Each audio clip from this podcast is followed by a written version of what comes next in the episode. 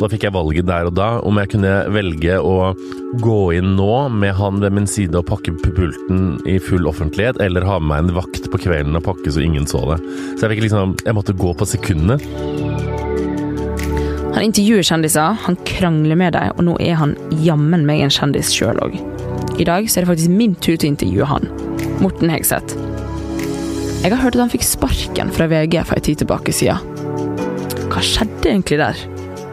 Det her skal vi dykke inn i. Velkommen inn i studio, Morten. Takk. Etter å ha hørt introen her, hvor fornøyd er du med din egen karriere? Jeg, blir sånn, jeg merker at jeg får sånn buzz. Jeg blir sånn Åh, ja!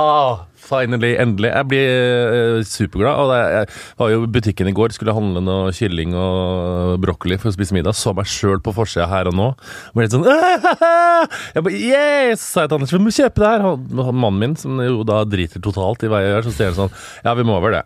Og så kjøpte jeg her og nå, leste om meg sjøl, og det var stygge bilder, men jeg elsker jo at jeg blir omtalt i ukebladet og sånn. Ja, du digger det, sant? Digger det, helt ekstremt. Jeg er jo veldig sånn, Folk misforstår, for Vegard er litt sånn øh, Han har litt sånn angst for selfies og er litt sånn skjørere på akkurat det der. Jeg får jo sjel av selfies. Når folk spør, så blir jeg sånn kjempeglad. En gang fikk jeg en nedtur på det. Det var når en cheerleader-NM var på øh, flyplassen på Gardermoen. Da tenkte jeg sånn, nå orker jeg ikke mer, men jeg blir bare glad av det. Jeg syns Ja, det er superstas. Du digger det egentlig, uansett. Ja, jeg gjør det. Og, så har jeg følt sånn, og det er jo helt fucked up, jeg snakket om det før. Jeg, føler, jeg har ofte følt at det er litt sånn naturlig. Jeg husker fra liksom, da jeg gikk på barneskole, så var det sånn kom, Det er helt sånn Fra barnehagen så tenkte jeg sånn Å, de snakker om meg. Og da trodde jeg at de snakka om meg for at jeg var så flink til å fingerhekle, f.eks. på barneskolen. På, øh, nei, det er på barnehagen, faktisk. På barneskolen så var det sånn Nå kommer han høye. Nå kommer han øh, med rosa pannelugg. Nå kommer han som skriver så fint i lokalavisa. Jeg har alltid følt at folk har prata om meg. Så når folk endelig begynte å prate om meg og skrive om meg, sånn, så føler jeg jeg jeg aldri følt det som noe mer naturlig. Yes! Ja, det. Yes! Hvordan er livet om dagen? Uh, akkurat i dag så er det litt uh, verre. Jeg har sånn ekstrem jetlag etter å ha vært i New York med mannen min i påska. Ble du Eh, gjenkjent på gata der? Uh, jeg tok faktisk to selfies i New York. Du gjorde det. Mm, faktisk. Var det nordmenn? Det var nordmenn, ja. Eh, som var på ferie, de òg. Så det, jeg blir ikke gjensynt av eh, folk i New York. Det tror jeg du har større sjanse for å bli. Men eh, det var veldig deilig. Men jeg sliter sånn skikkelig med huet etter den turen. Så du får bare beklage meg hvis det er litt sånn sosete. Jeg skal være snill med deg. Det er bra, det. Ok, du, Nå har du jobba som journalist i over ti år. Hvordan begynte du med det her, egentlig? Jeg starta da jeg var ti år i lokalavisa, når eh, bestefar og mormor jobba der. Eh, begynte med sånn spalta som het For på sparket, og så bevegde jeg meg opp til ungdomssida etter hvert. Og så begynte jeg liksom Jeg bare jeg har alltid hatt interesse for det. Vært nysgjerrig på folk. Når jeg var liksom sånn 14 år, så fikk jeg mase meg til å lage sånn motebilag i uh, Stjørdals Blad. Der jeg tvang liksom de heiteste venninnene mine eh, Fikk de til å bruke undertøy fra Britts undertøy på Stjørdal og plasserte de på sånn bålkvist i, mens jeg hadde sminka de og lagde motebilag, og det var liksom ikke måte på. Herregud. Og så eh, drev jeg på med det hele tida liksom hadde interesse for det, og så begynte jeg på journalisthøgskolen i Bodø, og så bolla det på seg derfra. Var du flink å skrive fra ung alder? Var Nei. Du, Når du var ti år, skrev du bra? Nei, jeg skrev Jeg hadde en venninne som skrev veldig bra, Astrid, som jeg hadde liksom Astrid og Morten på lørdag med. Hun var litt sånn, fikk sekser uansett hva hun gjorde. Og jeg var sånn, jeg ville veldig gjerne være god til å skrive, men jeg var ikke det, så jeg hadde en sånn adjektivfest fra ville helvete. Det kunne være sånn hun møter, hun møter meg i sin lilla kåpe som minner om en sjøbris fra Atlanterhavet. Jeg kan kjenne lukten av sydhavsøy i de blå øynenes pop. Altså, det var helt sånn kvalmt. uh, for, jeg, jeg trodde jeg var veldig flink til å skape bilder, men uh, det var nok ganske dårlig, altså. Så litt, litt trening måtte til. Ja. Hvem var du i klasserommet? Eh, litt sånn varierende. På barnehagen var jeg litt, sånn- barnehagen var jeg litt sånn veldig sjenert og inneslutta, og så etter hvert så fikk jeg sånn Da jeg var sånn 10-11-12, så hadde jeg en sånn akutt trang for å bli voksen. Jeg, gru, jeg, likte, jeg var ikke så særlig glad i å være barn. Jeg husker liksom hele barneskolen at jeg liksom gleda meg skikkelig til ungdomsskolen og videre. Jeg hadde alltid en sånn gleda meg til livet skulle starte. Så jeg Du hadde liksom- høyden på plass, så du manglet jeg hadde liksom høyden bare på plass, men jeg klarte liksom ikke å vente og sånn, så det, det resulterte jo at jeg starta å røyke da jeg var 11 og drikke når jeg var 12, så det var liksom Ja. ja nei, jeg startet ikke å drikke når jeg var tolv. Første gang jeg drakk, var jeg tolv, men da hadde, gjorde jeg ikke før jeg var 16 igjen. Men er liksom, jeg hadde sånn ekstremt iver etter å starte livet veldig tidlig, så jeg var litt sånn Det varierte litt, men sånn litt sjenert og inneslutta når jeg var barn. Men da jeg ble sånn 11-12, så begynte jeg liksom å utagere litt mer. Mm. Så hadde jeg en liten periode i sånn 12-13-årsalderen der jeg liksom frika litt ut, og så var jeg nerd fram til videregående, og så ble jeg liksom friker på videregående. Så eh, litt sånn rebelsk ja. Veldig rebelsk. Ungdomsperiode. Veldig.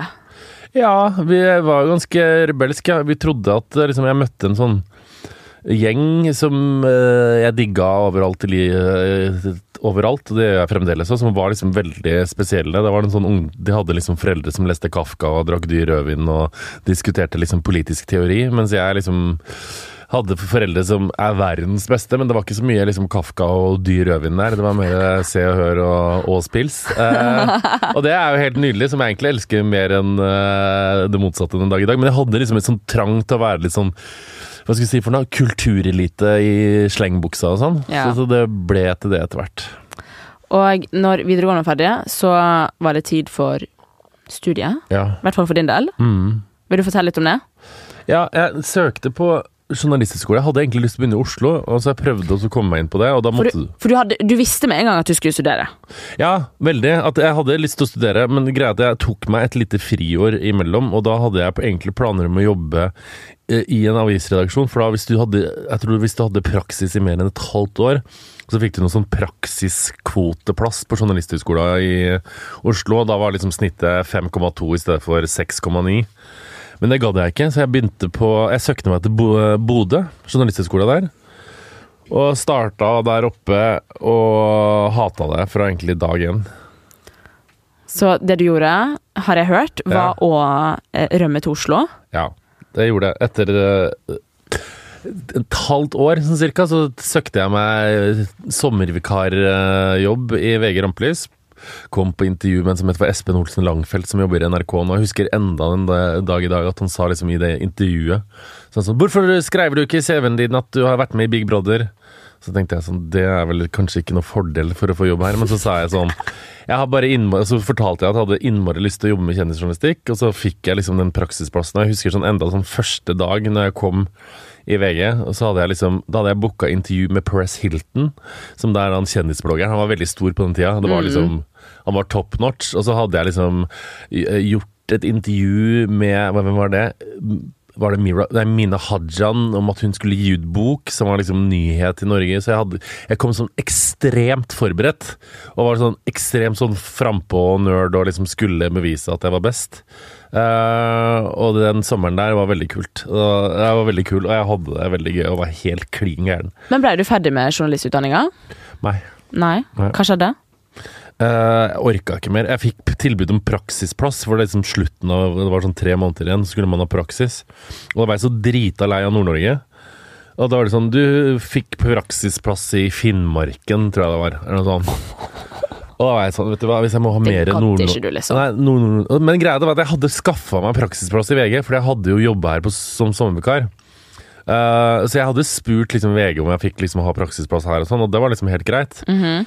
uh, men de ville ikke at elevene sjøl skulle bestemme, så ble jeg tvingt lenger i nord. Og da kjente jeg sånn, vet du hva, det her gidder jeg ikke. Jeg slutter, og så begynner jeg å jobbe istedenfor. Ja. ja. Så du flytta til Oslo og ja. begynte å jobbe i VG, i mhm. kjendisavdelinga. Mm, riktig. Hvorfor kjendiser?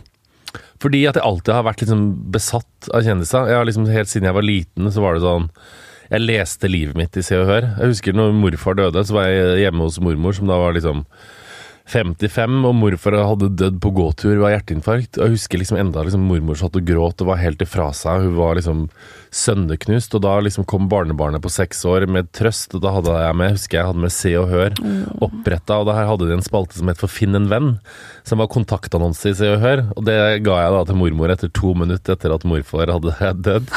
Eh, og jeg husker, jeg liksom husker enda at jeg leste om Wenche Foss, om Wenche Myhre, om kongefamilien. Husker jeg så denne Sønderål i rosa trikot og tenkte herregud, så fin mann. Jeg liksom hele, jeg digga liksom kjendisverden. Ja. Se og Hør var litt sånn bibel for deg. Ja, det var det, altså. Ja. Så det var liksom Jeg hadde Og det var ikke noen sånn manisk fascinasjon, det var bare at jeg liksom syntes det virka kult. Så da tenkte jeg at liksom kjendisjournalistikk er vel min retning å gå. De Ja. prøvde veldig hardt i Bodø, så var det sånn nå skal dere ut og skrive en oppgave om det dere ser, om busskurene i Bodø og kommunen som skal gi bevilgninger til at vi har finere busskur. Og da tenkte jeg sånn Jeg vil ikke skrive om busskur, jeg vil skrive om Beyoncé, tenkte jeg. Ja, det lyse Hollywood jeg går inn, liksom. Ja, jeg orka ikke ja, så det, Nei. Og det er jo litt sånn ovenfra og ned-holdning, og jeg var nok, hadde nok litt det. Og jeg syns jo, og det mener jeg, jeg syns journalistikk om busskur er viktigere enn journalistikk om Beyoncé, og jeg syns Bodø er finere enn Solliplass. Og jeg forstår det greiene der, men jeg har liksom Men var, du vil ikke være en del av det? Nei, jeg vil ikke være en del Nei. av det. Men det er jo helt greit å vite hva man vil. Ja. Jeg tror, jeg tror det var greit for alle det, at jeg ikke endte opp i Bodø og skrive om bu- busskur. Ja. Jeg tenker at du alltid har jobba i VG, Ja. eh, men det har du jo ikke. Nei, det I- føles sånn ut. 2007 så fikk du jo sparken. Mhm. Vil du fortelle hva som skjedde her? Ja, eh, da jobba jeg i VG som sommervikar også. Eh, Nå må jeg rette meg opp. Eh, fordi Så hva hva, var Jo. Så var det Natt og Dag, som jeg kjente noen som jobba i, som jeg frilansa litt i samtidig. Det var etter jeg var ferdig med sommervikariatet mitt, hvis jeg ikke tar helt feil. Og da hadde jeg liksom tilkallingsvakt i VG, og liksom, det så veldig lysende ut. Og de hadde liksom sånn fast ansettelse på gang, og jeg tenkte sånn herregud, jeg fikk høre at den jobben kunne bli min. Men så frilansa jeg litt i Natt og Dag samtidig, og der hadde de på en måte en, de hadde en spalte som het For Yoko Homo. eh, som var en sånn Hvorfor kalte du den Yoko Homo? fordi at, jeg, vet, jeg husker ikke hvem som fant opp det. Det, var, det skulle liksom være sånn anonymt. Det var jo Yoko Homo, da, og så ble det homo, og så var det Og jeg er med på det, og det var liksom, vi syntes det var gøy. Og der var det en sånn spalte som skrev liksom stygge ting om kjendiser. Som var litt sånn rykter og Ja, ja. Som var helt på kanten, som var liksom helt forferdelig. Og ja, det er lov, egentlig. Nei, men det var liksom natt og dag, og det var ja. fritt, og det var liksom Litt gøy at det var lov før, for ting har jo blitt så strengt nå. Men Ja, ja, men jeg er ikke helt enig. Altså, det, var, det var mye av det samme som podkaster gjør i Norge i dag. Det var bare i Mm. skriftlig format, og det, var liksom, det ble litt sånn bøss rundt den spalta der. Jeg husker alle lurte på hvem det var og sånne ting. Eh, og der hadde jeg liksom bidratt uh, ganske mye. Uh, eller delvis, det var liksom et sånt fellesprosjekt. Og så til slutt så var det noen som hadde funnet ut av det på, i God kveld, Norge. Uh, en som jeg kjenner nå, nemlig Geir Håkonsund, som hadde da uh, funnet ut Jeg tror han hadde koda et sånt Word-dokument, de hadde fått tilsendt det, og så hadde de fått sett i det Word-dokumentet, så sto det sånn 'sist redigert av Morten Hegseth' eller noe sånt. Fant i hvert fall de ut av det, og da var, husker jeg liksom Dorte på onsdag hadde sånn intro sånn Og på Vi avslører hvem den fryktede skribenten Yoko Homo er. det, Var det sånn? Ja, det var Det er helt, nesten litt sånn for, for juicy til å være sant. ja, det var helt forferdelig. Uh, og, jeg Og du ble advart. Ja, ja, jeg ble advart, og da tror jeg at jeg sa til han reporteren at jeg trua med å ta livet mitt hvis det kom ut, for jeg hadde sett et sted at hvis folk trua med livet sitt, så kunne de ikke trykke sak. Så det er sånn Jeg kommer ikke til å klare å leve hvis det her ikke Så du sa går. faktisk det? Jeg tror det. Jeg tror jeg hinta til selvmord for at de skulle stoppe saken. og så Var det, men var det her for skriftlig form? Jeg bare jeg prøver liksom å skape et bilde. Nei, det her tror jeg var telefon. Um, men så kom jo saken ut, og så fikk jeg jo liksom av gode grunner liksom ikke, Jeg fikk ikke sparken fra VG, jeg var tilkallingsvikar, men jeg fikk, jo, jeg fikk jo på en måte sparken fordi at jeg ikke fikk fortsette mer. Men eh, før du begynner der, Ja. eh, eh, så du denne episoden av God kveld, Norge? Ja, jeg husker at jeg satt i drag-antrekk hjemme hos min ekskjæreste Tore Petterson, eh, nåværende Skal vi danse-dommer, og gråt mens jeg shotta Tequila og tenkte at livet mitt var over. Ok, så du tok det såpass alvorlig? Ja, ja, det, jeg, som alt annet i livet. Tenkte du nå nå går livet mitt under? Ja, nå går livet mitt under. Nå er karrieren min over, og nå er alt uh, forferdelig. Jeg husker at det, liksom, det, var, det var helt krisestemning, og så ble jeg da tatt opp på kontoret av en fantastisk eh, dyktig sjef i VG, Hellig Solberg, som sa sånn uh, Hun var liksom streng, nå kan du ikke fortsette for oss mer. Og det problematiske her var En ting var innholdet, men VG kunne liksom ikke vite om det som sto på trykk i Natt og Dag, kunne kommet fra noe jeg hadde hørt her. Så det ble litt sånn Ja. rolleblanding. Men slo det deg før, når du satt, når du satt og shotta Tequila, og så eh, deg sjøl bli avslørt på TV? Ja. Tenkte du hva vil VG si? Nei, der tror jeg jeg hadde fått sparken dagen før. Sånn. Jeg husker ikke. Okay, så ja. den, den, den kom før det kom på TV. Altså. Så da visste jeg Da var livet mitt litt sånn over. Men, og da øh, fikk jeg ikke fortsette i VG mer. Og da fikk jeg jobb som redaksjonssjef i Natt og Dag. Og jeg starta der typ dagen etterpå. Men jeg husker sånn at jeg var sånn sykelig besatt av at den Ok, greit, nå har jeg driti meg ut. Det her var helt krise. Uh, først begynner man jo å klandre alle andre for det man har gjort feil, men jeg innså ganske fort sånn Nå har liksom jeg driti så Ja. kraftig på draget. Så jeg bestemte meg for at jeg skulle få tilbake denne jobben. Så fra en uke etterpå så begynte jeg å sende mail til Svein Arne Håvik, tror jeg, uh, i VG, og masa om å liksom si sånn jeg har skjerpa meg, innsett feilene mine, jeg skal gjøre ditt og datt for å få jobben tilbake. Og jeg, liksom, jeg fikk ikke svar, men jeg pusha den mailen en uke i sånn type Jeg husker ikke hvor lenge det varte, men i to år etterpå, fram til jeg fikk tilbake Du jobben. visste, du visste at du ville ha tilbake jobben. Men eh, for jeg har litt lyst til å gå inn på det. Det å bli sparka. Mm. Hvordan det her føltes. Altså, det er jo eh, for alle en helt grusom ting. Mm. Um, og du tok jo dette veldig tungt. Mm, veldig. Så vi har eh, nemlig prata litt med mammaen din, eh, Elisabeth Hegseth, om det som skjedde. Å nei. Hør her. Jeg var så redd for noe. Jeg visste jo at her har han gjort noe skikkelig galt.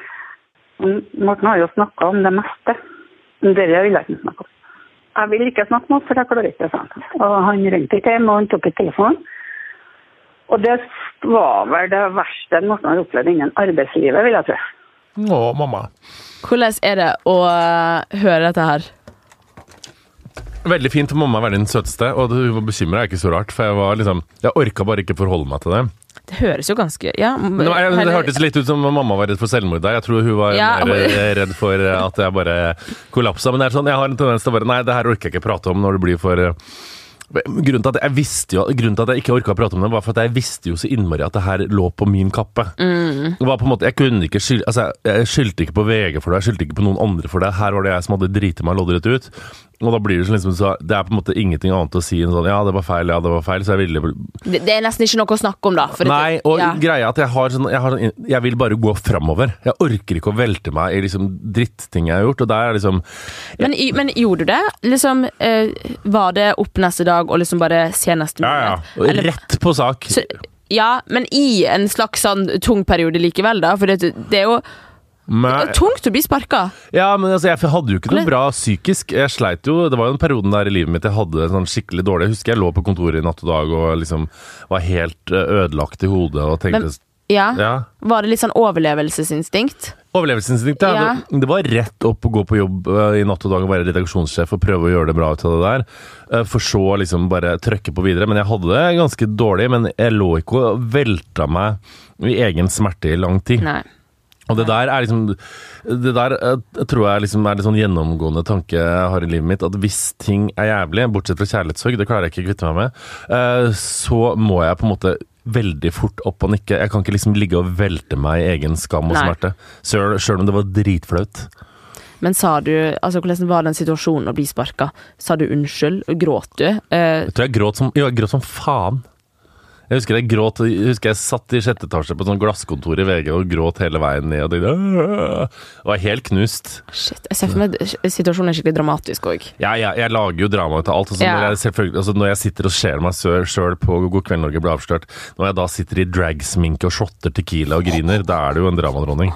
Så liksom alt blir tatt med eh, dramatisk eh, Ja. Men angrer du den dag i dag, eller uh, hvordan stiller du deg til det her nå? Nei, vet du hva, jeg, ang jeg, ang jeg angrer for uh, jeg Kan angre på den spalta, angre på liksom formuleringa om kjendiser og det å på en måte ikke skrive hyggelige ting. Det har jeg dårlig samvittighet for. Men jeg angrer ikke på opplevelser, fordi opplevelser var dritviktig for min egen del. Fordi den fikk meg til å skjønne hva jeg hadde lyst til. Eh, liksom, jeg har ofte en sånn tendens at det ikke før jeg mister ting at jeg innser liksom hvor stor verdi det har for meg i livet mitt. Den fikk meg til å få erfaringer med å jobbe i Natt og Dag. Den fikk meg til å få erfaringer med å jobbe i Se og Hør. Den fikk meg til å få erfaringer med å jobbe Jeg fikk lære jævlig mye annet, å komme meg rundt og lufte, eh, lufte meg. Jeg fikk bli kjent med masse andre nye folk. Og jeg tror at hvis jeg hadde blitt sittende igjen i VG da, og hadde liksom eh, fått fast jobb og sitte her fremdeles en dag i dag, så hadde så mye av livet mitt som jeg har opplevd, ikke vært der i dag. Ja. Uh, og, da hadde jeg, og jeg tror jo òg at det er en grunn til at sånne ting skjer. Grunnen til at jeg fikk sparken fra VG er også grunnen til at jeg kom første dag og hadde et intervju med Paris Hilton, og hadde en nyhet på Mina Hajan, og hadde oppslag på Mira Craig tre ganger at jeg starta. Grunnen til at jeg gjør det, er jo for at jeg har uh, for at jeg er litt gæren. For at jeg liksom går, hvis jeg går inn for en ting, så går jeg skikkelig hardt inn for ting. Jeg avslørte masse nyheter mens jeg jobber i VG. Jeg, på en måte, uh, jeg tror at min måte Altså, jeg, den måten at jeg liksom skaffa inn liksom jævlig gode ting på. Grunnen til at jeg gjorde det, er litt beslekta med også grunnen til at jeg gjorde det med Natt og Dag. Jeg er på en måte en fyr som uh, tør å gripe sjansen når det byr, byr seg, og tør å gå liksom gjøre noe litt ekstra. Og noen ganger så har det en jævlig dårlig utgang, som f.eks. når jeg gjør det med VG, men alle andre ganger så kan Men som regel så går det ganske bra, da. Ja. Så jeg tror ikke liksom jeg tror, ja, jeg tror jo at de flinkeste folka ofte Nå omtaler jeg meg som som de flinkeste folka, men jeg var ganske god som Men du visste òg at du var god. jeg visste, ja, Hele veien. Ja, Du visste at du var Du Ja. gjorde en god jobb for VG. ja, jeg gjorde det. Men jeg tror ofte at de flinkeste folka, de er litt gærne òg. Ja. Og Ja. da har det, går det noen ganger litt ned. Og det er en erfaring jeg absolutt uh, har lært helt sinnssykt mye av i ettertid. Men du fikk jo etter hvert eh, jobb hos en gammel kjenning, Se og Hør. Ja. Hvordan var det? Det var litt sånn det var, Se og Hør var på en måte mitt P3, tror jeg. Eh, veldig mange andre jeg kjenner har gått i P3 og lært masse der og kommet seg ut i arbeidslivet. Jeg lærte masse i Se og Hør. Jeg husker jeg bestemte meg når jeg starta i Se og Hør, at jeg ikke skulle være der i over i to år, for da kom jeg til å bli ødelagt.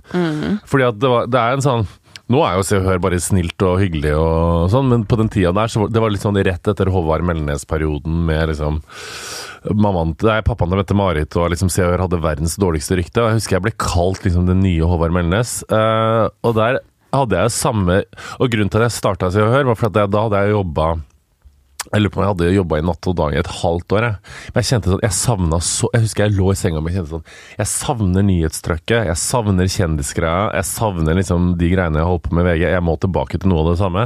Og når jeg da ikke fikk det, komme tilbake til VG, så var liksom Se og Hør et veldig godt alternativ. Ja. Og der var det på en måte I Se og Hør var det Men er litt annerledes. ja, det var det altså. Der var det jo, men der var det ingen grenser for hvor hardt du kunne jobbe, hvor langt du kunne strekke deg, uh, hvor mye du kunne gjøre. Så det var liksom Når, når jeg fikk tillit av sjefene i Se og så var det liksom Det var sinnssykt gøy og sinnssykt lærerikt. Jeg tjente helt sjukt mye penger som jeg sløsa bort på kun fest og drikke og drit. Uh, jeg husker jeg tjente jeg, tror, jeg, jeg husker ikke om jeg tjente, men det var skikkelig bra. Og jeg husker jeg liksom spanderte middager på kjendiser på en kveld til 12 000 kroner som jeg leverte regning på dagen etterpå. Det var liksom helt ko-ko. Og det gjorde du for å få gossip? Kilde, ja, Gossip fordi at og- det var her du kom inn i Se og Hør, og en ny verden åpna seg. Ja. Du dro ut på byen for å finne gossip. Ja, er som fan. Ja, det høres så gøy ut. Ja, det er sånn, var gøy. på eventyr. Og, det var sånn, og der og da så hadde jeg hadde liksom ingen skam da, på det jeg gjorde. Mange sier sånn 'unnskyld, jeg kommer fra Se og Hør'. Jeg sa 'flytt deg, jeg kommer fra Se og Hør'. Det var liksom ingen selvinnsikt whatsoever om at det jeg gjorde, liksom ikke nødvendigvis Så det var hele tida tydelig at du var ute som journalist? Ja.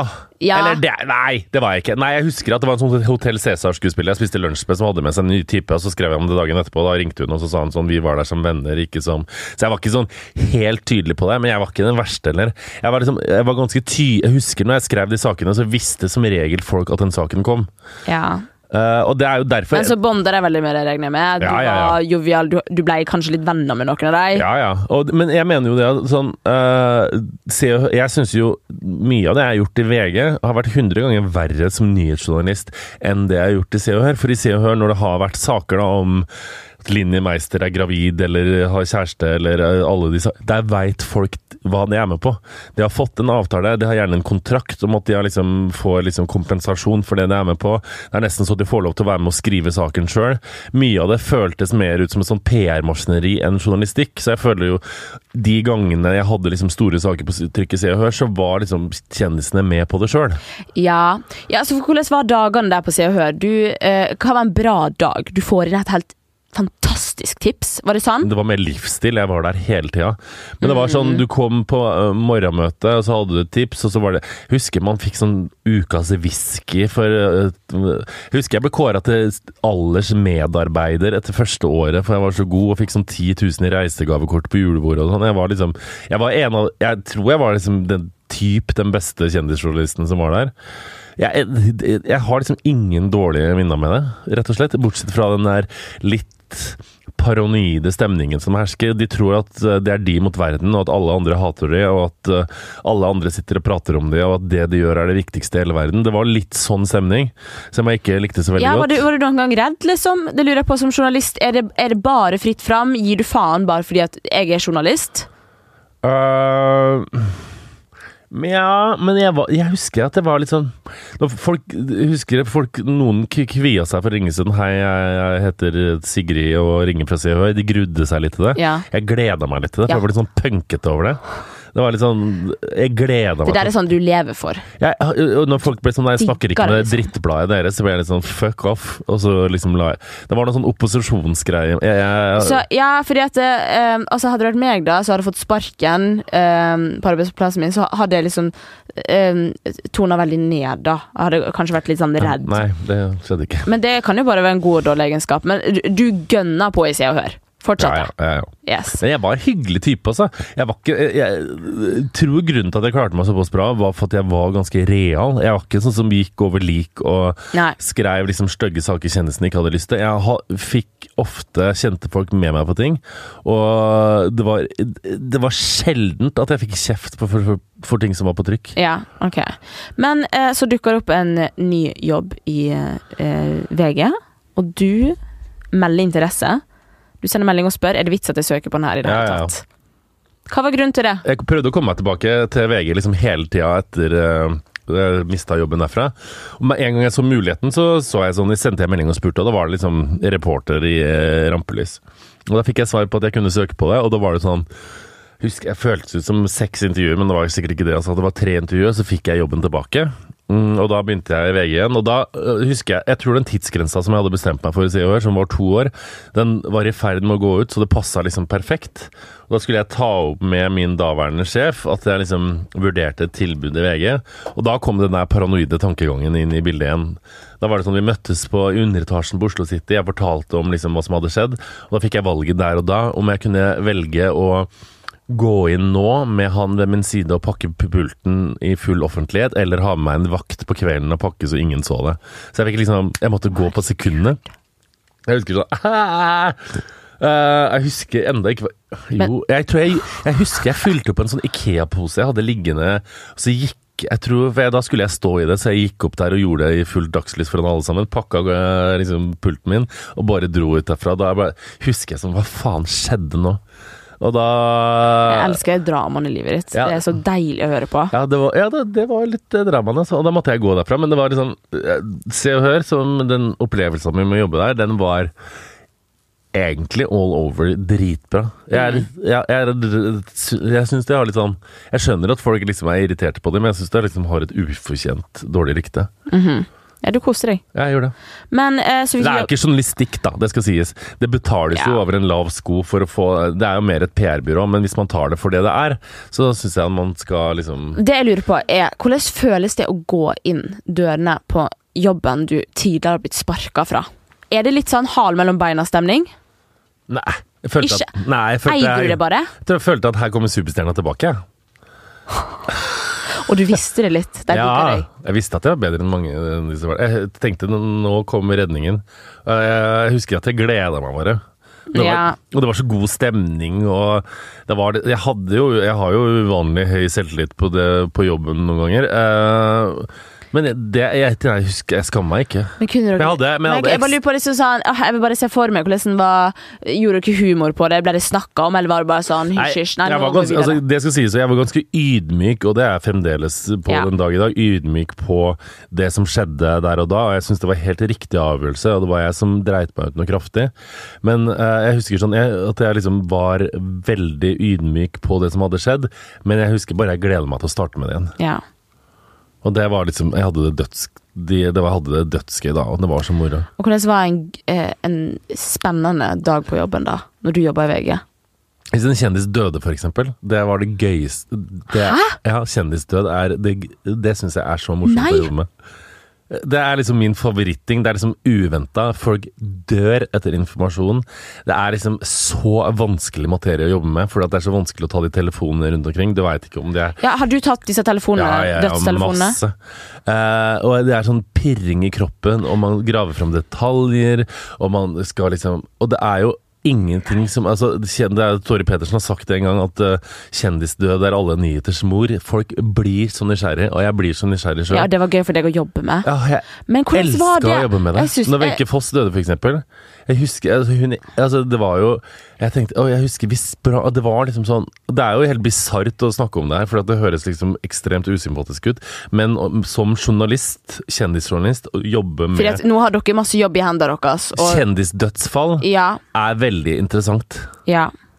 Og det, er, Og det må ut òg. Det må, det må liksom, ut, og ja. folk er så nysgjerrige, liksom. Ja, det brenner liksom man er, så det er, det er feil å si at det er gøy, men det, jeg syns det er veldig interessant å, jobbe, å jobbe med kjendisdød. Ringer du pårørende for å spørre hvordan føles det her? Ja, Man må jo ringe liksom de nærmeste da, for å prøve å få sitat. Og jeg husker jo liksom Det må være vanskelig. Ja, veldig vanskelig, men hvis man må bare igjen være ganske ydmyk og prøve å få snakka med dem. Men det er sånn Det fins to forskjellige kjendisdødsfall. Det fins de kjendisene som har bygd opp karrieren sin sjøl offentlig og har elska rampelyset. Og det fins de kjendisene som har blitt kjendiser fordi at de er gode på innenfor en viss type kultur eller mm. det de gjør med, som ikke nødvendigvis elsker rampelyset like mye.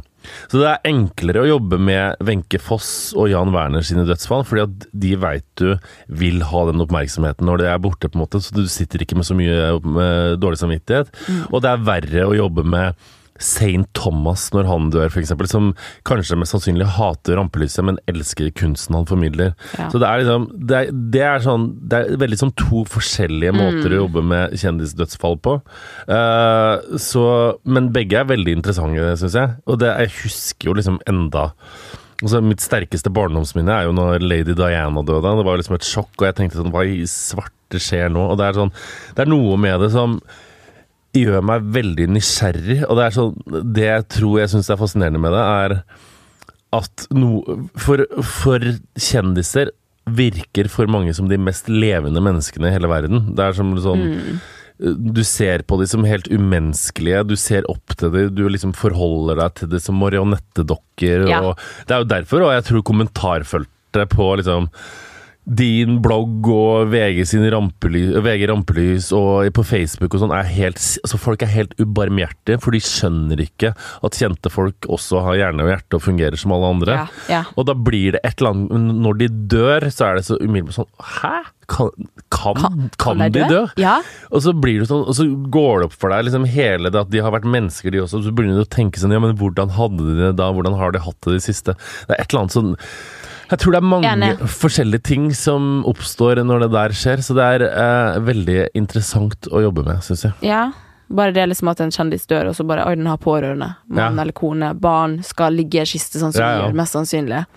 Så det er eh, Nei, jeg syns det var interessant å jobbe med. eh, men altså, det er jo ikke noe gøy, men jeg syns det er veldig spennende å jobbe med det.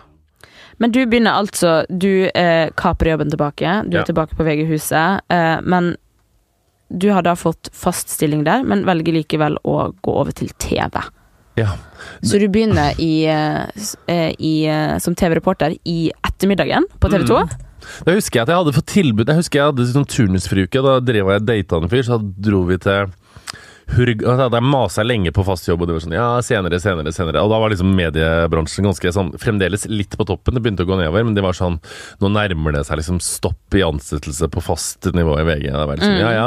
Så jeg snakka med en venninne i Monster som hadde tilbudt meg da ettermiddagen, som jeg syntes hørtes spennende ut, for det var liksom God morgen Norge, det var bare ikke starta opp. Det vi skulle ansettes, vi skulle være med på å utvikle det fra starten av. Det hørtes gøy ut, så tenkte jeg sånn ja, dette har jeg lyst til. Og i det jeg landa i Egypt med han der elskeren min, nei, det- daten min, da, så husker jeg de ringte, og så da måtte jeg eh, og sa at jeg hadde fått fast, eh, at jeg hadde fått fast jobb Nei, at jeg hadde fått tre måneders vikariat i Monster, tror jeg. Og da sendte jeg mail til sjefen og sa at jeg takka nei til den faste jobben i VG. Jeg husker, Da hadde jeg angst, da. Å, fy faen. Jeg husker at jeg tenkte sånn Jeg orker ikke forholde meg til at jeg har sagt nei til å ha fast jobb i VG. Så slutta jeg i VG. Hvordan var din første dag foran kamera? Uh, helt forferdelig. Jeg husker at jeg, sånn, den første gangen jeg fikk mulighet til å gå uh, live på TV, jeg tror jeg var på Petter Stordalen sin 16. mai-fest. Jeg husker jeg hadde så angst for det. Uh, og da skulle jeg gå live utenfor. liksom Kjendisen hadde kledd på seg. og skulle gå live på ettermiddagen klokka 17.30, og jeg var helt uh, Var det her fordi at det her var helt nytt for deg, TV-formatet? For du var vant til å sitte og skrive? Det er sikkert begge deler. At det var he jeg, jeg var vant til å sitte og skrive. TV-formatet var helt nytt for meg. Så hadde jeg ekstremt stor trang til å være flink på TV, for jeg ville Ja. veldig gjerne bli sett som en god person på TV. Og fordi at du viser deg sjøl veldig Ja, ehm, Veldig masse mer enn hva man gjør i en uh, Vegard-artikkel. Ja, ja, selvfølgelig. Og så ligger jo også sikkert den store drømmen om å bli oppdaga der hele tida, så du må liksom levere bra. Jeg husker Ja. jeg fikk veldig mye Det var 16. mai. Jeg husker vi tok øl på taket på TV2 etterpå, og jeg husker jeg fikk masse skryt. skryt. Ja, det var som å være i den syvende himmel. Det er den Ja. beste følelsen jeg noen gang har hatt. Det var helt rått. Jeg tenker sånn Tenkte yes. du at TV det jeg har lyst til å gjøre? Yes. Uh, ja, TV tenkte jeg. Ja, det tenkte Ja. at- absolutt. Jeg tenkte sånn, var- Hvorfor jeg sitter og skriver dette er mye gøyere. Ja. 100 ganger gøyere Litt enn mer levende, kanskje. Ja. Um, eh, hvordan ser det seg tilbake på opptak fra denne tida her? Jeg syns det er helt forferdelig. Jeg googla bilde av deg, og uh, Ja, det er helt forferdelig. Jeg har sett noen Nei, det. sveis. Nei, sveis og Du var dårlig søt. og det Nei, jeg syns det er helt forferdelig. Jeg har sett Er noen det Sånn, det? Du var jo veldig søt. Ja, men jeg liker ikke å se på det. Jeg ser på Noen ganger så får jeg litt sånn Åh, dette orker jeg ikke å se på. Men jeg er veldig glad for at jeg fikk jobbe i ettermiddagen og sommertid. uh, fordi at det var veldig sånn god læring i det.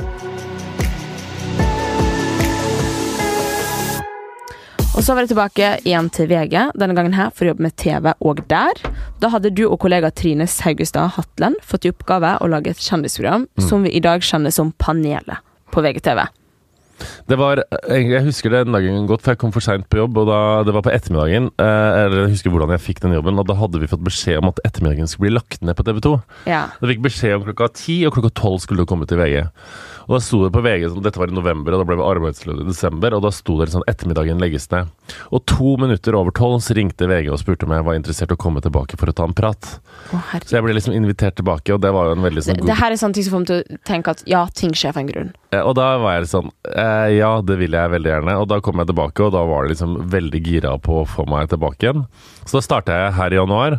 Men da måtte jeg gå tilbake til å skrive om dødsfall og brudd og kjæreste og baby igjen, og da kjente jeg at jeg var litt ferdig med.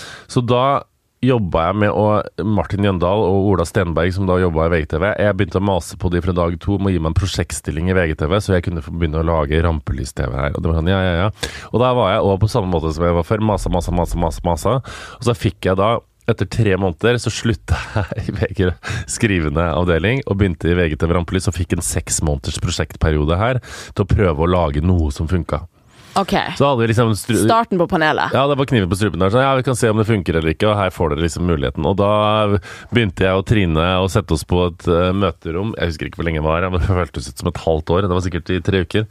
Og vi satt med Post-It-lapper og skulle utvikle, og det var da starten på liksom panelet som ble i dag. Og masse annet greier. I starten så var du programleder og hadde tre nye gjester hver Ja, vi skulle lage uke. senkvelder, du, husker jeg. Ja. Etter hvert ble jo Vegard Harmfas gjest, Ja. og så ble han din medprogramleder. Mm. Hvordan var det å plutselig dele den oppmerksomheten med Vegard? Hvordan gikk det til? For jeg, jeg er ikke sånn Jeg har aldri følt, i motsetning til Vegard kanskje, så jeg har aldri følt noe kon konkurranse fra folk. Jeg tenker alltid sånn The more the merrier. Og jeg, der er jeg litt sånn Jeg er egentlig for dårlig på det. Jeg kan gi liksom konkurrenter sånn Ja, du kan jo gjøre det hvis det er bra. Så tenker jeg sånn Ja, men kanskje du heller skal det, gjøre det sjøl. Jeg er ikke så veldig redd for at andre skal ta oppmerksomheten min. Og nå skal det også sies at når Vegard kom hit, så hadde han veldig mye mer oppmerksomhet enn meg fra før av. Så jeg tenkte det var greit. Men jeg husker jeg hadde liksom bestevenninna mi sa sånn Jeg har sett på de bildene dere legger ut fra panelet, nå begynner Vegard å stille seg foran deg, du må passe på det, han prøver å ta spotten din og sånne ting. Sånn, Nei da, det går bra. Forsto dere fort at dere kunne bli en god duo? Ja Eller jeg skjønte det ganske Eller sånn det, Ja, etter hvert så skjønte jeg det ganske greit. Men vi er jo, ganske, vi er jo helt forskjellige, da. Så det er jo liksom litt overraskende. Vi er jo ikke noe like i det hele tatt. Han feirer jo 22-årsdagen sin med snitter og wienerbrød og skolebrød med bestegirlsa fra Stokke, mens jeg feirer 32-årsdagen min med champagne og sprit på byen. Eh, så vi er liksom Han eh, Vi er ganske forskjellige, men eh, jeg tror liksom det er litt derfor vi funker såpass greit. da. Hvordan ser en vanlig arbeidsveke ut for deg nå? Nå er det øh, Jeg føler den våren her så har det nesten ikke vært en vanlig arbeidsuke, for det har vært så mye reising fram og Vi har gjort så mye. Vi har vært på turné, og vi har lagd TV, og vi har lagd podkast og Ja, for jeg fikk um, titte litt på kalenderen din i Ja. stad, og jeg ble jo helt utmatta av å bare se alt du gjør. Ja, det er mye greier. Og så I tillegg legg pendling på toppen av øh, det til Trondheim-Oslo, som jo egentlig er der jeg bor, i et hus. Eh, så det er mye, øh, men det går nå rundt. Er det tilbake i Oslo, og så går du inn i sånn eh, beast mode? Det er sånn, nå skal jeg jobbe. Ja, mest. Dag og natt. Ja, mest, egentlig. Ja. Men det, det som er, da, som er liksom ikke er Vi er jo heldigvis det er jo jeg og Vegard som ofte får kreden for det vi gjør i redaksjon, fordi at vi er foran. Men vi liksom Vi jobber med ekstremt uh, bra folk som uh, jobber minst like mye som oss. Så vi har liksom en hel gjeng med damer i ryggen vår som står på for at uh, de tinga vi presenterer skal se bra ut. Men det er liksom hadde jeg liksom For i starten, når vi jobba med panelet, så gjorde jeg absolutt alt sjøl. Jeg gjorde ideer, booking, research. Jeg tror jeg med klippa sakene, uh, innspilling Altså, det var liksom Det var henta gjest Altså, det var liksom absolutt Jeg hadde liksom Men nå som vi har liksom blitt flere, og uh, vi er Det er ekstremt mye flinke folk, så går det greit. Men jeg merker at det er litt sånn Det er vanskelig å finne fokus om dagen. Ja, men jeg lurer på, er, er du sånn som nyter det underveis? Sånn, for den timeplanen var så hektisk at jeg bare, jeg vet ikke hva jeg skal gjøre av meg. Når er det du slapper av? Slapper du av mens du gjør det? Ja, men jeg blir, ikke, jeg blir eh, stress jeg blir, jeg blir ikke så fort Jeg blir stressa fort, men jeg blir ikke sånn at jeg mister da, går jeg bare inn i litt sånn beast mode og tenker Ja. sånn Nå skal jeg bli ferdig. Jeg må se fram til fredag, på en måte. Nå må jeg klare det der til fredag, og så kommer jeg til fredag, så kan jeg senke skuldra og tenke sånn ah, bra. Kanskje jeg har to dager fri, og så begynner jeg på en sånn ny intervall. Jeg går, veldig sånn intervalltenkende, Ja. på en måte. Eh, men det går jo på bekostning av noe, f.eks. vennskap. Jeg har ikke, møter jo ikke venner, eh, nesten. Det er bare telefon og Messenger. Dessverre. Nå har du og Vegard podkasten Harm og Hegseth. Dere selger ut liveshow og har store YouTube- og Instagram-kontoer. Hva vil du si har vært høydepunktene i karrieren din så langt? Det vil jeg faktisk si har vært liveshowet. Jeg syns det er så gøy å ha sceneshow med tull og tøys og eget liv, og det funker så bra, og vi har det så gøy. Og så er det så sinnssykt gøy å møte liksom fansen. Altså, man sitter her i det sitter jo, Vi sitter jo i det samme rommet nå. Et grått, inspirerende, uinspirerende tre kvadratmeters rom og jabber skit, og tenker jo ikke at inni den mikrofonen her så sitter det en million månedlige lyttere og hører på det du kan. Altså Når du kommer ut til publikum der, og du ser at de tar alle jævla referansene du noen gang har. De ser liksom mannen min i en introduksjonsvideo, hele salen tørner. Det er sånn, all, folk er med så mye på det vi forholder oss til som liksom skitsnakk i et podkaststudio, og det er liksom helt sinnssykt. Og jeg syns det har vært gøyest òg, fordi at det har vært det mest utfordrende. Det er det jeg syns har vært vanskeligst og skumlest, og så har det funka så bra. Så jeg trenger alltid noe å bryne meg på. Ja. Jeg er jo veldig glad i Ja, så liker jeg veldig liksom det kicket. Jeg har alltid søkt det kicket. Jeg, liksom, jeg tror det er Og, liksom, altså, jeg kan jo se for meg det adrenalinet ja, ja, i kroppen etter en sånn forestilling. Ja, Forestilling vil jeg faktisk kalle det. ja forestilling, det er veldig gøy. De sa det på Chat Noir. Forestillingen snart, start, Nei, Chat Noir, på Edderkoppen så sa de sånn Forestillingen starter om fem minutter. Da lo vi. Ja. Eh, Forestilling er et fint ord. ja, det er et fint ord. Uh, men ja, det er eh, absolutt Jeg tror de liveshowsa har vært uh, høydepunkt. Det, du kan, det er liksom at alt uh, jobben din samla, da. Ja, det er det. I den salen. Ja. Alt er der. Ja, det er veldig, veldig gøy. Så, det. så det har absolutt vært et høydepunkt. Eh, Er det noen kjendismøter fra karrieren din du husker best? Nå tenker jeg Britney Spears, for jeg Ja. alltid så at hun var lagt Hvordan var det? Nei, Det var drittkjedelig. Det er det kjedeligste intervjuet jeg noen gang har gjort. Det var som å sitte med en mekanisk dokke som ikke hadde personlighet, og så skulle alle spørsmålene ha blitt godkjent i forkant. Bak, altså Vi satt sånn, og så bak kamera så satt 20 stykker fra management og nikka sånn eller sånn hvis hun ikke skulle svare. Det var liksom ekstremt statisk og uinspirerende. Det var gøy å se at Britney Spears var et levende menneske, da. Uh, men det var liksom noe av det tamre jeg har gjort intervjumessig. Men Ja. Thorvald Stoltenberg er den hyggeligste personen jeg noen gang har møtt.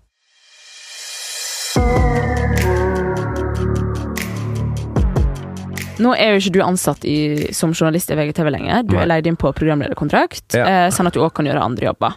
Som f.eks. å være konferansier på event og gjøre reklamejobber. Ja. Og med godt over 100 000 følgere på Insta har du jo faktisk blitt kjendis sjøl. ja. Hvordan føles det? Eh, veldig naturlig. Nei da. Uh, Det har ikke vært et skille for deg? Det har liksom gått naturlig? Er det ja, fordi at jeg, jeg føler liksom det har gått litt sånn og Grunnen til at jeg, jeg tror at det ikke føles som så innmari sjokk, uh, er fordi at det har liksom vært For det første så handler det om denne selvtilliten med at jeg liksom hele tida føler at jeg er blitt snakka om. På barneskolen så følte jeg at Nei, på barnehagen så følte jeg at de snakka om at jeg fingerrekla. På barneskolen snakka de om meg for at jeg hadde rosa Altså jeg har hele tida følt at folk har snakka om meg. Så det ligger en sånn usympatisk stor selvtillit i bånn der. Men så er det, det hele veien så har det vært sånn mye i lokalavisa da jeg var yngre. Så var det plutselig Big Brother da jeg var 19, og så ble jeg sammen med Stulla Berg Johansen da jeg var 21 og fikk masse oppmerksomhet for det. Og så var jeg sammen med eh, noen andre, og så ble jeg liksom kjendisjournalist med egen spalte. Og så var jeg litt reporter til TV 2 Sommertid. Så jeg liksom følt at det har kommet litt sånn Kjendisånden lå i deg hele tida, og den var liksom Du var litt kjendis på veien òg. Nei, jeg var, jeg var nok ikke det, selv om jeg liksom kanskje trodde det Nei, jeg trodde ikke det sjøl heller. Men det kom Jeg føler at det har kommet ganske gradvis. Men jeg er veldig, veldig glad for at jeg ikke fikk For at nå føler jeg sånn Du var jo ikke en veldig anonym eh, type, nei. Nei, du var ikke anonym eh, gråmus av en Nei. en journalist. Jeg føler at det liksom Men den, det nivået jeg er på nå, så tenker jeg nå holder det mer enn nok. Men jeg syns det er helt eh, topp. Jeg blir så glad når folk kommer og skryter og spør om selfies og uh, Holsvaller sender meg gratis klær og sånne ting. Jeg syns det er jo et deilig liv, da. Ja. Herregud, mye enklere. Skal ikke klage. Nei. Em, eh, for eksempel det å dra på kjendisfest. Hvordan er det nå? Nei, det er jeg ikke noe glad i. Nei, ja, for det lurer jeg på. Eh, Du digga digger Se og Hør og har kjøpt det fra du var eh, liten gutt og alltid sett opp til kjendisene. Eh, Kom du til et punkt der du liksom ikke syns kjendiser var så kult lenger? Eller der du har liksom et liksom annet syn på det? Ja, det gjør det. Men jeg har liksom Jeg har heller aldri forguda de på den måten noen kan gjøre. Jeg har aldri tenkt at de har vært sånn ufeilbarlige heller. Jeg har liksom eh, Du bare syntes det var spennende. Jeg synes det var spennende. og Jeg husker jo liksom, når jeg jobba i Se og Hør, så fikk jeg liksom psykologi Jeg fikk psykologhjelp fordi at jeg var så dritlei. Uh, og da fikk jeg liksom tilbud av Se og Hør for å liksom finne tilbake til motivasjonen i jobben. Jeg husker jeg sa liksom i en medarbeidersamtale mens jeg gråt til sjefen min at jeg holdt snart på å henge meg i en av Pia Haraldsen sine kjoler, for jeg er så lei av eh, å skrive om alle disse kjendisene. Det var sånn det har alltid vært sånn veldig sånn gøy, og så har jeg kommet til et punkt der sånn Å, fy faen, så jævlig inspirerende. Og den pendelen der, den svinger i aller kraftigste grad eh, den dag i dag. Den gjør det, ja? Det Ja. Jeg føler, litt sånn, jobben din nå så jobber du fortsatt med kjendiser. Ja. Hvordan er det? Hvordan ser du på kjendiser? Er det sånn ah, 'nei, nå gjør jeg et nytt intervju'? Det er helt vanlige folk. Ja. Bare hyggelig. Jeg syns alltid er gøyere å intervjue kjendiser, fordi kjendiser vil bli intervjua, og de har lyst på oppmerksomhet. Ja. De veit gjerne hva de vil formidle. Eh, De leverer ofte bedre fordi at de har gjort eh, intervju før. Så jeg syns liksom Og det er liksom gøy fordi at folk er interessert i å lese om det. ja. Jeg syns fremdeles at den delen av journalistikken er mye gøyere enn å skrive om busskur i Bodø.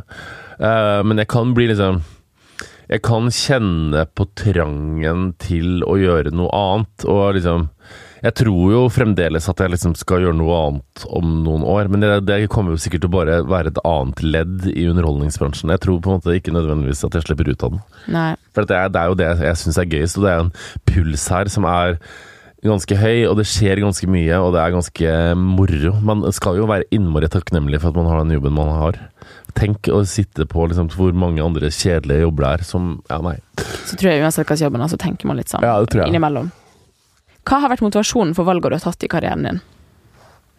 For at, ok, her er en ting jeg Det er et bra spørsmål, egentlig. Ja, for at når jeg ser på ditt karriereløp, så får jeg veldig sånn sterkt inntrykk av at valget du har tatt på veien, er prega av en sånn stor driv og veldig sånn genuin motivasjon.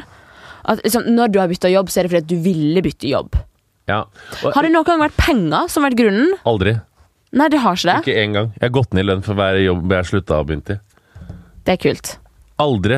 Først nå har jeg begynt å bli opptatt av penger. Altså de siste åra. Ja, for du er litt luksusdyr òg, er ikke du? Ja, ja, nå er jeg følger deg jo på Instagram. Ja, ja, jeg, jeg, nå har jeg blitt luksus Altså jeg har blitt så glad i luksus og dyre ting og penger at det er helt jævlig. Men i karrieren min så har aldri lønn eh, fram til nå Altså Jeg har alltid gått ned i lønn når jeg har tatt nye jobber. Da jeg slutta i VG og begynte i Monster, så gikk jeg ned. Når jeg slutta i Monster og begynte i VG så- altså, det er hver, det er ikke, Jeg har aldri forhandla lønn heller. Aldri, nå gjør jeg det, men det er sånn jeg har aldri før jeg ble 30 år forhandla lønn. Nei. Det er liksom, motivasjonen har alltid vært kicket. Og det har heller aldri vært så veldig strategisk, de valgene jeg har tatt. fordi eh, det, det ser man jo bare på VG og Natt og Dag, f.eks. i starten. Så ser man jo òg når man går tilbake fra Se og Hør til VG et, eh, gikk, Da tror jeg jeg gikk ned 400 000 i lønn. Og kunne bli Var, var det noe du bevisst tenkte på, eller var det bare sånn Det som styrte, var 'jeg vil ha denne jobben her'? Jeg Nei, det var bare sånn. det. Og det, Ja. jeg gikk ned liksom masse Altså, jeg ned altså, jeg tror jeg gikk ned en halv million, i lønn, altså, det var helt sykt. Og så begynte jeg i VG i, i Monster igjen. Da kunne jeg få fast jobb i VG. Begynte på tre måneders prosjekt i Monster, som alle sa du må ikke gjøre det her. Men da lærte jeg med TV og fant ut hva jeg ville gjøre, og hadde det dødsgøy i to år. Og så det aldri liksom Det har vært mer kicket og iveren og nysgjerrigheten på å gjøre noe nytt. Og det er jo det som er litt farlig òg, da. At det er liksom Sånn er det nå. Altså, det er jo litt sånn jeg, liksom, Hvis jeg har liksom lyst til å gjøre noe, så gjør jeg det åkke sånn. Ja, eh, men jeg tror det er veldig um, bra for deg Altså, flest Den tankegangen der vil jo lett gjøre veldig lykkelig. Når man sånn glemmer penger. Ja. For det typisk er at folk er jo pengeopptatt og så velger de jobb etter penger, og så faen, trives ikke helt med det her. Jeg er ikke keen på å stå opp klokka åtte og dra på den jobben mandagsmorgen. Men det, samme hva du har tjent, så har du i hvert fall uh, ja, det, ja, det, det er sant, det. Og så er det Men det er litt sånn man kunne liksom ha valgt litt mer trygghet, da, men jeg tror jeg har lært litt mer nå. Og så har jeg liksom, men jeg tror det jeg jakta på, er liksom muligheten til å lære noe nytt og oppleve noe annet, på et sett Ja. og vis. Og da tydeligvis kjendisgreia, som er gjennomgående det jeg har gjort. Yes. Hvor ser du deg selv om fem år? Det er så vanskelig spørsmål. Ehm, jeg er litt sånn usikker. Jeg tror vi, jeg, jeg tror vi holder på med podden fremdeles. Uh, og så jobber jeg forhåpentligvis jeg har, altså Min store drøm er jo å lede et store eller direktesendte TV-programmer. Og jobbe eh, Det er jo det jeg får kick av. Fremdeles så savner jeg jo Skal vi danse etter ett år. Jeg savner jo fem, fire, tre, to, én Og så har du liksom 90 millioner i sving på en times produksjon, og så er det liksom se, Jeg veit alle sammen snakker om at web-TV er framtida, og at lineær TV er i ferd med å dø ut, men jeg elsker dire- direktesendt store produksjoner. Så det er drømmen din? ja. Å lede et Ja, det er nok det som Det hadde frist Det, hadde nok, det er nok det som frister meg mest. Mhm. For å være helt ærlig. Hvis man skal liksom Det er det jeg er gira på. Ja. Tror jeg. Og så er håper jeg at TV overlever. Det gjør det nok ikke. Det går til helvete. Men jeg tenker at vi må ha det så gøy så lenge det varer. Ja. For det er ikke så Jeg tror ikke man må tenke så strategisk eller Jeg tror man må liksom ha det gøy. Men, drøm, men som jeg sier, og jeg har jo eh, grunn Og det er liksom både jeg og VG, eh, Vegard har takka nei til jeg veit da søren jeg har mange jobbtilbud, men det er mange de siste åra. Fordi vi er en så innmari god gjeng på jobben her.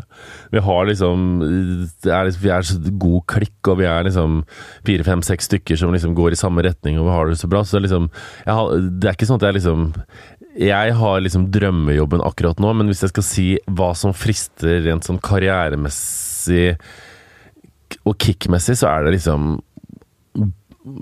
Spraytan og applaus og direktesendt TV. Ja. Elsker det. Og det er veldig deg òg. Ja. Jeg elsker, jeg syns det er så gøy. Helt til slutt, hva er ditt beste råd for å lykkes i arbeidslivet? Ikke gi seg. Eh, og så er det litt sånn at eh, Jeg har nesten lyst til å si at folk må tørre å tråkke feil. Tørre å ta en sjanse. Jeg føler det er så mye sånn flinke, prektige folk som kommer klokka ni og gjør det de må, og drar hjem klokka fire. Fordi det, det er lov å gjøre feil. det er lov å gjøre feil. og det går an, så lenge du sier unnskyld. Det er ingenting du lærer mer av enn å trå feil. Tro meg, jeg har gått på så mange feil i mitt liv, og man lærer så mye av det. Og det er ikke alltid det feil oppdages, men du lærer masse av det. Så, sånn Jeg er veldig glad for de feila jeg har gjort, og det har vært mange av de, for jeg har lært masse av det. Og bare trøkk litt på, og jobb hardt med før du får unger, fordi det kommer tilbake. Og da, livet blir fort nok kjedelig. Tenker jeg da. Tusen takk for praten, Morten. Takk for at du fikk være gjest, det var veldig stas. Og takk til mamma Elisabeth Hegseth og Mortens tidligere sjef Svein Arne Håvik, som har hjulpet til med sladder og fine ord i forkant.